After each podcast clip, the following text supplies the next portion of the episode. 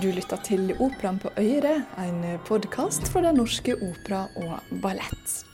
Her i operaen oser det av Rossini-stemning om dagen. La Cenerentola er i full sving på hovedscenen, og i denne episoden så skal selveste Askepott, Tone Kummervoll, fortelle om hvordan det har vært å jobbe med en så krevende rolle. Og så skal dramaturg Hedda Høgåsen Hallesby dra oss gjennom handlinga i operaen. Jeg heter Camilla Yndestad. Música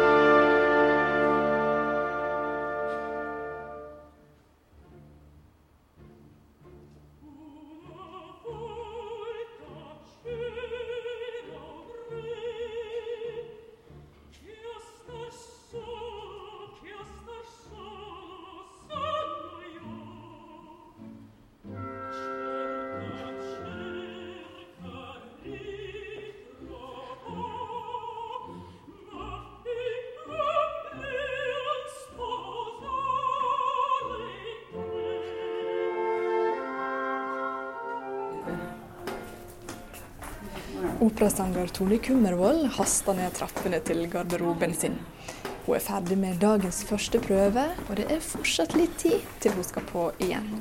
I dag har vi hatt sitteprøve, og så har vi prøve i kveld. Og i morgen tidlig. Eller jeg kaller det morgen tidlig, men det er jo 11, men det er tidlig. Det er liksom Herregud, jeg gleder meg til Vi har en kveldsprøve. Jeg tror det er ikke før generalprøven. Nei. Jeg er en sånn kveldssanger. Jeg er ikke en morgensanger. Men eh, ja, sånn er det. Jeg har jo blitt vant til det. Her var jo det usedvanlig ryddig, da. Det bare meg, og så er det noen gjester. De har lagt igjen litt etterlatenskaper. Det er Mari Eriksmoen der. Hege. Jeg tror fremdeles det ligger nesa til Hege fra Spar dame. Men du, hvordan eh, kjennes det å liksom være i gang med generelt nå med prøve, og dere kom på hovedscenen og alt? Mm. Det, det, føles jo litt uh, uvirkelig, men uh, det er jo rett og slett bare Nå er det bare å holde ut en uke her, for den er ganske intens. Men det er jo veldig deilig. Det er alltid veldig deilig å begynne på hovedscenen. Fordi akustikken er annerledes. Du får kjenne rommet, du får kjenne hvor du faktisk skal synge det. Og du uh, Altså, hesten kjenner liksom lukta av eh, manesjen, liksom. Litt sånn. Men eh, alltid uka før premiere er jo eh, vanskelig. Fordi at det handler om å prøve å finne en miks mellom å gi det som alle vil ha, du skal gi det regissøren vil ha, dirigenten vil ha, men så må du passe på deg sjøl, og så må du passe på stemmen, og så må du passe på alt. Så du ikke liksom gir for mye. Men nå har vi jo faktisk to hele dager fri i helga. Og det er ganske deilig, for nå så det, går det jo bare sånn Og så er det generalprøve, og så er det premiere. Men nå har vi faktisk så, til å liksom lande litt og at det prosesserer det litt. Så det er bra. Men nå har vi hatt sytteprøve. Det har jeg grua meg sinnssykt til. Men uh, det gikk bra. Og nå er det da bare å vente i kveld. Prøve å gjøre det som er best. Kanskje gå en tur og finne på noe annet litt. Og koble av litt. Sånn. Jeg tror ikke jeg orker å dra hjem. Bare bli her. Eller rundt her og slappe av.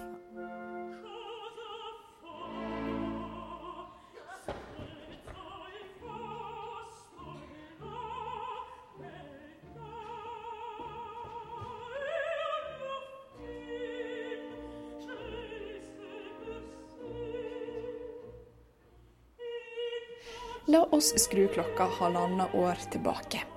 Telefonen til Tone ringer, og hun ser at den er fra studieleder og solistsjef for operaen, Boris Schäfer. Mm, det var Boris som ringte og spurte om du har en rolle som uh, Som vi lurer på om du kan gjøre. Så tenkte jeg hm, er det noe liksom dramatisk, eller hva, hva, er det noe som For det var liksom Ja, vi lurer på om kan du gjøre den? Og så bare Ja, det er et generentol. Jeg bare Hæ? Å oh, ja, OK. Nå må jeg snu hjernen min liksom 180 grader rundt, liksom, og bare For jeg har liksom tenkt egentlig at jeg skulle begynne å gå litt mer mot det dramatiske Altså, jeg har veldig, sunget veldig mye romantisk repertoar, da, og liksom gå litt videre den veien, men samtidig så så har jeg liksom ikke vært helt klar for det heller. Så det er litt sånn så kom det spørsmålet, og da var det litt sånn OK, da måtte jeg bare ta noen dager og tenke, og fordi at da, da må du omskolere deg nesten. Det er en sånn følelse av å Eller gå tilbake 10-15 år, da. Og, og liksom OK, hvordan var det Rosini skulle gjøres igjen, liksom? Og det er jo ikke egentlig det at det er så annerledes sanglig, men på en måte det er det. Det er en helt annen egen stil, da. Og, og skal jo Jeg har jo en ganske Jeg har en litt sånn treg, litt sånn stor stemme som, som, som har mye å flytte på.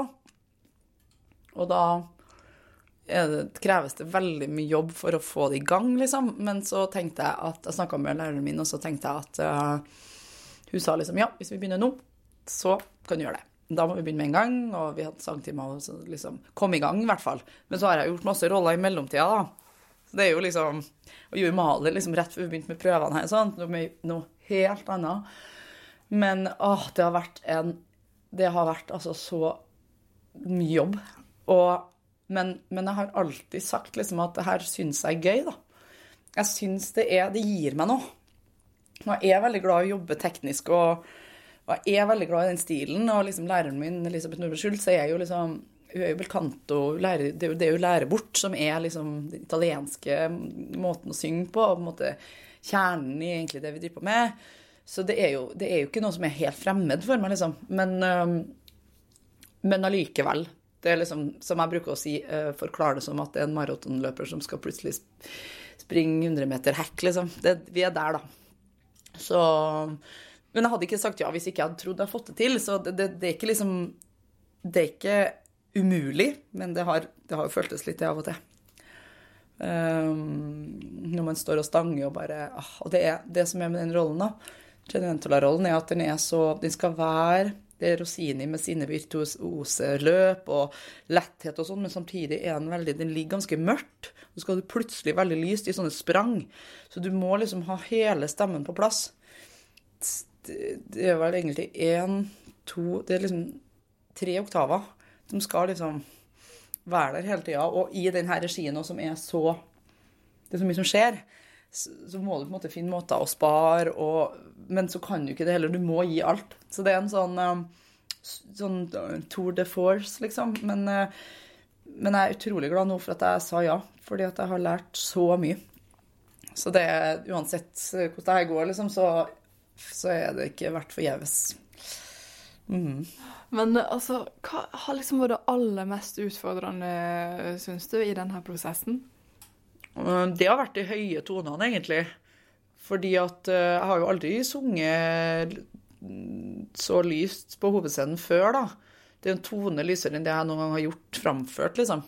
Og det er jo, det er jo ikke det at det, det, jo, det, ligger jo i stemmen min, men det er noe med når jeg har sunget så mye det litt sånn mørke mezzoting og allting, så, så må det liksom trenes opp litt. For det er jo ikke det at jeg, får det jo til på studio, men det er jo å gjøre det på scenen foran 1400 mennesker og, og gjøre det gang på gang. Og det er jo flere lyse toner, liksom, og H-er og sånn, og det, det, er veldig lyst for meg, da, min stemme. Um, og så er det å få liksom den følelsen av um, en frihet i det. Og en, uh, at du ikke liksom gjør det for lyst og lett, men ikke for tungt. Du finner en sånn balanse. Det er det som jeg føler egentlig i dag selv om jeg sang ut alt i går, og så åh, egentlig litt sliten i dag, så følte jeg at jeg fant liksom mer balanse. Så man driver og jobber helt fram til premieren med det, da. Og, men det er det som har vært mest krevende, ja. Det er både det, det lyse og ikke formørke det, og ja Finne den um, balansen. Og det, det har liksom gått i så mange feller. For det er jo litt sånn at det er det er jo rett og slett bare teknikk, egentlig, Rosini. Så du må bare finne, finne din vei, da, i det.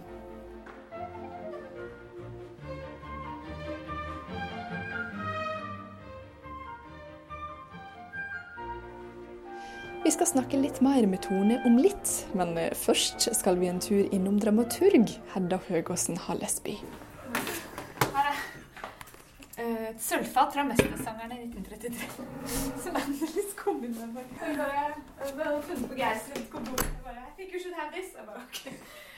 Vi slår oss ned ved bordet med sølvfatet, og Hedda gir seg ivrig i kast med handlinga i operaen. De fleste kjenner jo egentlig historien om Askepott. Det er jo den jenta som er fattig og drømmer om en annen virkelighet, et annet liv. Eh, og så får hun den muligheten, så tas den fra henne, og så får hun tilbake igjen. Det er liksom grunnhistorien. Um, den Askepott-varianten vi hører her, er ikke sånn som Disney med den gode feen og gresskarvogna. Vi har ikke engang denne glasskoen. Uh, men vi har likevel den forvandlingen fra den fattige jenta til prinsessen. Det er på en måte grunnhistorien. Hun er ikke hos en stemor, sånn som eh, i Grims fortelling eller hos Disney. Hun bor hos en stefar som heter Don Magnifico. Som er en fyr som tidligere har hatt mye rikdom. Nå er han bankerott og litt sur for, for det. Men han vil gjerne være en del av overklassen og svinge seg med de rike. Han har to døtre som heter Klorinda og Tispe ikke så veldig ålreite navn, kanskje. Vi skjønner da at disse er virkelig fæle jenter, som også gjør narr av denne Askepott, Cenerentola, um, som jobber mye hos denne stefaren sin, Don Magnifico. Og en dag så banker det på døra, og inn kommer en fattig fillefrans som heter Alidoro. Han er egentlig prinsen Don Ramiros kammertjener og lærer, og også en type filosof. En veldig klok mann som hjelper han. Og han kommer for å sjekke ut forskjellige koneemner for denne prinsen. Og um, Klorinda og Tispe bare avfeier han og er opptatt av sin egen uh, skjønnhet og uh, gjøre seg, se, se, bra ut og sånn. Men, men uh, denne Cenerentola hun gir han da matpakken sin, som hun har på denne vaskevogna hun kommer inn på scenen med. Og da skjønner Alidoro at her har han å gjøre med en virkelig god jente. Eh, og Don Ramiro, som er prinsen eh, i dette, mm, denne verden vi entrer, han er også nå på jakt etter en kone eh, som kan ekte han og bli hans prinsesse. Og vi, det kommer også en haug med eh, hoffmenn og eh, proklamerer at denne prinsen snart vil komme. Men i dette verket så er det mye forkledninger og spill med identiteter hele veien. Så prinsen han har kledd seg ut som kammertjeneren sin, eh, Dandini. For han vil, ikke, han vil selv sjekke ut hvilken dame som er virkelig snill og god. Eh, så det er Dandini, som egentlig er Amiro, som banker på døra. Og da blir det umiddelbart skjønn musikk mellom han og denne Askepott. Eh, men hun vet jo ikke at det er prinsen hun har eh, forelsket seg i. Og så offentliggjøres det da at eh, prinsen inviterer mange av disse rike familiene til seg på Slottet. Eh, og det er istedenfor denne gode feen, så er det Alidoro som kommer til henne med en vakker kjole og med to armbånd, ikke glassko, eh, som da blir det hun pynter seg med. Eh, når det er fest på dette slottet, så spør prinsen hvor denne snille jenta han traff hos eh, Don Magnifico, er. Og ingen eh, vet eh, hvor hun ble av, men plutselig entrer da denne skjønnheten slottet. Litt som i, i Disneys fortelling. Eh, og hun blir også borte for han igjen. Eh, men før hun blir borte, så gir hun ham da en, et av disse armbåndene. Um, og sier at den som skal gifte seg med meg, må finne igjen dette armbåndet. Um, det, det, er jo ganske usannsynlig, men prinsen er da på, på vei. Uh, han har sendt ut um, alle, alle, han hadde på ballet, uh, og så bryter det, og nå kommer jeg til det usannsynlige, det at vogna hans bare bryter sammen rett foran huset til Don Magnifico. Det er da igjen denne trollmannen, filosofen Alidora, som står bak. Og så kommer han inn til Don Magnificos hus, og der kjenner han igjen da denne vaskehjelpen med det ene armbåndet på seg, og skjønner at det er Askepott, og så er det de som får hverandre. Men i denne historien så er det egentlig ikke Askepott som vinner helt til slutt likevel. Ja, for hvem er det som stikker av med seieren? Uh, ja. For når uh, rett før sceneteppet går ned, så forvandles uh, Askepott bare til en vaskedame igjen. Uten musikken så er ikke Askepott noe annet enn vaskepott, egentlig. Så det er musikken som skaper magien i denne fortellingen. Og den musikken er skapt av Rossini selv. Det er han som er den virkelige trylle, tryllefeen her, eh, trollmannen. Og han skaper den magien hver gang orkesteret spiller opp i orkestergraven. Og det døde materialet som et partitur er, blir levende, og, og asken blir til ild, så å si. Så det er um, Rossini, eller musikken, som er den som faktisk går av med seieren igjen og igjen og igjen.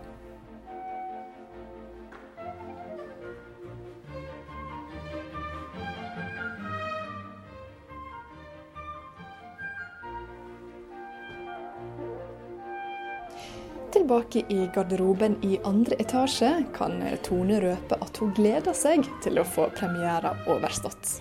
Veldig. Veldig. Um, må jo liksom, Veldig ofte er det jo at man, man um, jobber fram mot premiere, liksom.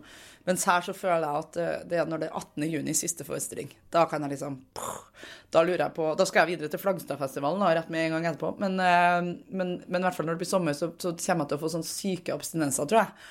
For at jeg har, eh, det her har vært så stor del av livet mitt så lenge. Jeg har brukt så mye krefter på det, liksom. At um, Samtidig så, ja, gleder jeg meg jo veldig til den perioden. Å ha forestillinger. Og, og det her er jo en veldig sånn publikumsforestilling, så den vil ikke føles helt sånn fullbyrda, tror jeg, før, før, vi har publikum i salen. Jeg, den rollen jeg spiller, er jo veldig sånn Skal liksom helt av kommunisere med publikum, da. Så det skal jo bli veldig spennende å se når det er folk i salen.